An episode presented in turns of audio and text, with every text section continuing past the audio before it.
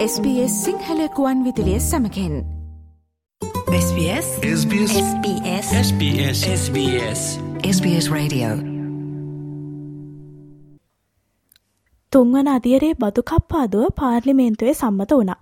මේ බදු කප්පාදු පාර්ලිමේන්තුවේ සහය ඇතුව සම්මතවීම ලේබර් රජය ලැබූ ලොකු ජයග්‍රහණයක්. නමුත් ජීවන වියදම් අර්බුදය විසඳන්න නම් එක් නීති සම්පාදනයකට පුළුවන්කමක් නැහැ. මේ වෙනුවෙන් තව සැලසුම් දියත් කරන්න කියලත් රජයට බලපෑම් එල්ල වෙනවා.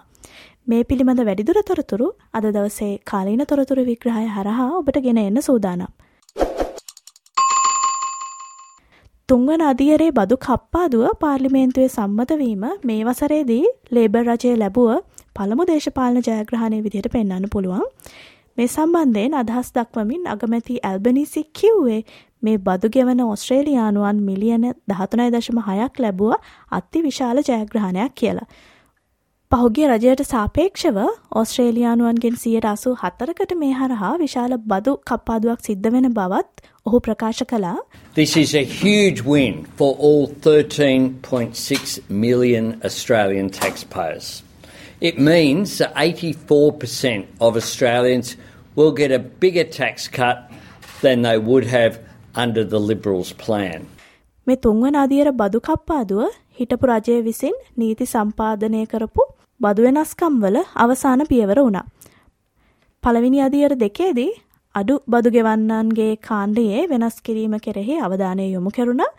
අවසාන අදියරේදී බදු කාණ්ඩයක් නොසලකා ඩොල හතලිස් පන්දහසත් ඩොල දෙලක්ෂයත් අතර ආදායම උපයන්නන්ට සියයට තිහක අනුපාතයකින් බදු අය කිරීමක් සිද්ධ වුණා.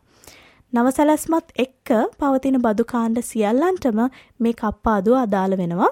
සියයට තිස් දෙකයි දශම පහට තිබුණු බදුකාණ්ඩය සියයට තිහ දක්වා අඩු වෙලා බදුකාණ්ඩවල සීමාවන් වැඩි වෙනවා. එහි ප්‍රතිඵලයක් විදිහට ඩොල එක්ලක්ෂ පනස්දහසට වඩා අඩුවෙන් උපයන ඕස්ට්‍රේලියානුවන්ට විශාල බදුකප්පාදුවක් අත්විඳින්න පුළුවන් වෙද්දී ඉහලාදායම් ලබන අයට මුලින් සැලසුම් කර තිබූ ප්‍රමාණයට වඩා අඩු කප්පාදුවක් තමයි අත්විඳින්න වෙන්නේ. දෙදහස් විසි දෙකේ පැවැත්තුන් මැතිවරණයට කලින් බදු කප්පාදුවල වෙනස්කමක් නොකරන බවට ලේබර් රජය සඳහන් කළ නමුත් මෙම වසරේදී ඔවුන් එම පොරොන්දුව කඩ කලා අගමැති ඇල්බනිසි පවසන්නේ ආර්ථික තත්ත්වයන් වෙනස්වීම නිසා ඔවුන්ට මෙම වෙනස්කම් කිරීමට සිද වූ බවයි. මේ ඔවුන් ගත් නිවැරදි තීරණයක් බවත් ජීවන වියදම් ගැටලුත් සමග ජනතාවට උපකාර දිය හැකි හොඳම මාර්ගය මේ බවත් අගමැතිවරයා පැවසුවා. We made not an easy decision, we made the right decision for all the right reasons. Uh, we know that families are under cost of living pressure. The idea that we could sit back and ignore the clear recommendations that this was the best way that we could have an impact of providing that assistance to middle Australia without putting upward pressure on inflation, we couldn't ignore that. විපක්ෂය මෙම වෙනස්කම්වලට සහය දැක්කුවත් මෙය විශ්වාස කඩකිරීමක් ලෙස ඔවුන් නම් කරනවා. ඇංගස් ටේල පවසන්නේ ඉදිරිපත් කෙරුණු වෙනස්කම් එක්ක තමන්ගේ බලාපොරොත්තු සුන්වීමක් සිද්ධ වන බවයි. බදු කප්පාදුවට තමන්ගේ කිසිම අකමැත්තක් නැතත් රජයට තම පොරොන්දු කඩකරමින් ආධාර කරන ආකාරයට තමන් අකමැති බව තමයි ඔහු පවසා සිටියේ. We're supportive, as you know, very supportive of tax relief. What we're not supportive of is the way this government chose to fund it, which was to break a promise that they made, the Prime Minister and the Treasurer, over 100 times. Um, that's not how you fund the, the very welcome relief that Australians deserve. Uh, you, you, you do it by keeping your promises and by managing your finances. බදුමිලි ඉහළයාමට තමයි මූලික අවධානය දෙන්න අවශ්‍ය මේ තත්ත්වය යටතේ තමයි ප්‍රධාන සුපිරි වෙළඳසැල් අසාධාරණ විදිහට මේ බඩු මිල ඉහළ දාන්නේ මෙම අංශයේ මිල ගණන් සහ තරඟකාරීත්වය සමාලෝචනය කරන්න කියලා රජය ඔස්ට්‍රේලියානු පාරිභෝගික කොමිසමට නියෝග කළා සුපිරි වෙළඳ සැල් ඔවුන්ගේ බාණ්ඩ සැපයුම් කරුවන්ට ගෙවීම් කරන ආකාරය පාලනය කරන ග්‍රොසරි කෝඩ් of කන්ඩක්් එක පිළිබඳව නැවත සමාලෝචනයකුත් සිද්ධ කළා.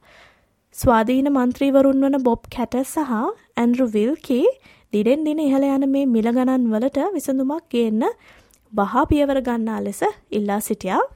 ඔවුන් යෝජනා කරන්නේ බාණ්ඩ බලහත්කාරයෙන් බෙදා හැරීම සහ තරඟකාරී වෙළඳපලට එරෙහි වෙන මේ හැසිරීම් නැවතීම සඳහා කොමසාරිස්වරයකු පත් කිරීමයි.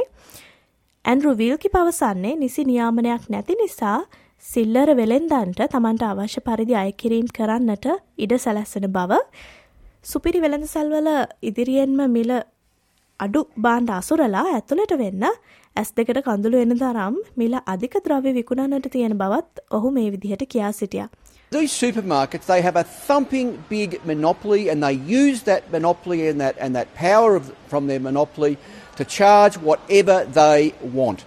Sure, they have a few cheap items to get us in the front door, but when you go down the aisles and get everything else, uh, heavens, you know, your eyes water and you pay for it at the checkout. මෙම පනත නීතියක් බවට පත් කළ හැකි නම් වසර පහක් තුළ වූල්වර්ත් සහ කෝල්ස් වල වෙළඳපළ කොටස් වල සියට හැත්තෑව සිට සියට විස්ස දක්වා පහත වැටෙනු ඇති බව කියවෙනවා. ඒ පිළිබඳව ස්වාධීන මන්ත්‍රී විල්කි මේ විදිහට අදහස් ප්‍රකාශ කළා. If this bill could be passed into law that each year for five years both Woolworths and Coles would have to divest themselves of 5% of their market share. In other words, 5% Woolies, 5% Coles, that's 10% a year. So over five years, Woolies and Coles would go from around 70% down to about 20%. And that would bring Australia into line with similar countries around the world. ස්වාධීන මන්ත්‍රී Bob කැට පවසන්නේ සුපිරි වෙළඳසැල්වල මේ හැසිරීම නිසා ගොවියාත් පීඩාවට පත්වෙන බව. ඔබෝබේ ආර්තාපල් සඳහා ඩොලර් තුනයි සත හැටක් ගෙව්වොත් ඔවුන් ගොවින්ට ගෙවන්නේ සත අනු නමයක් විතරයි. ගොවියන්ව බිමට මැදල දාලා පාරිභෝගිකයන්ගෙන් ඩොල මිලියන ගණන් අය කිරීම සුපිරි වෙළඳසැල් හරහා දීර්ඝ කාලීනව සිද්ධ වෙන්න ඉඩ තියෙන බවත් බොබ් මේ විදිහට පවසනවා. $3.60 you paid for your potatoes and they paid the farmers 99 cents. Now it doesn't matter whether we're going to talk about tomatoes or bananas or milk or sugar or eggs, it's the same. And I mean, are we just going to continue? With them screwing the farmers down through the floor and charging the consumers a squillion dollars. මේ අතරතුරේදී ජනතාවගේ අවධානය දිනා ගන්න විවිධ වැඩ කටයුතු සිද්ධ වෙනවා. ඒ විදිහට සෞඛ්‍ය අමාත්‍ය මාක් බට්ල සෝෂල් මීඩිය ඉන්ෆලුවන්ස්ලට ආරාධනා කරලා තරුණ ඔස්ට්‍රේලියානුවන් ඉලක්ක කර ගනිමින් නව මහජන සෞඛ්‍ය ව්‍යාපාරයක් ප්‍රකාශයට පත් කළා. මෙහිදී ඔහුට පෞද්ගලික සෞඛ්‍ය රක්ෂණ වාරික පිළිබඳ ගැටලු දැනගන්නට ලැබුණා. සෞඛ්‍ය රක්ෂණ සමාගම් විසින් යෝජිත වාරික මිල වැඩිකිරීම් ෆෙඩරල් රජයට ඉදිරිපත් කළ යුතුයි. ඔවුන්ට රජය විසින් අනුමත කිරීමට බලාපොරොත්තු වෙන ඕනෑම වැඩිකිරීමක් සාධාරණීකරණය කිරීමේ හැකියාවක් තියෙන්නත් අවශ්‍යයි. සෞඛ්‍ය ආධාර පිළිබඳ අවධානය යොමු වෙන මේ කාලේ ලේබර් රජය මෙම වාරික මිල වැඩිකිරීම් කියන එක ගැන ප්‍රකාශයක් නිකුත් කරන්නට අතුරු මැතිවරණය අවසන් වෙනතුරු ප්‍රමාද කරන බවට ඔස්ට්‍රේලියානු පුවත්පතක් වාර්තා කර සිටිනවා. සෞඛ්‍ය අමාත්‍ය මාක් බට්ල එම ප්‍රකාශය ප්‍රතික්ෂේප කරමින් කියා සිටියේ පෙබරවාරි අවසාන සතියේ හෝ මාර්තු මුල් සතිවල මෙම තීරණ ගැනීම කිසිසේත්ම අසාමාන්‍ය දෙයක් නොවේ. එය හෝබර්ඩ් රජය තුළ සිද්ධ වෙන සිරිතක් බවයි.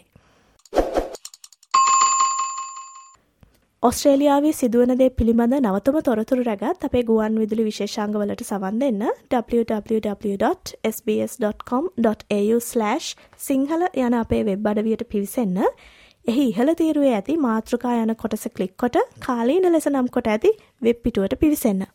SBS SBS SBS SBS SBS SBS Radio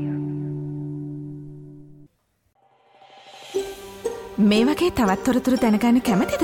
එහමනම් Apple පුොඩ්කාට Google පොඩ්කාට ස්පොට් ෆිහෝ ඔබගේ පොඩ්කාස්ට ලබාගන්න ඕනෑ මමාතයකින් අපට සවන්දය හැකේ.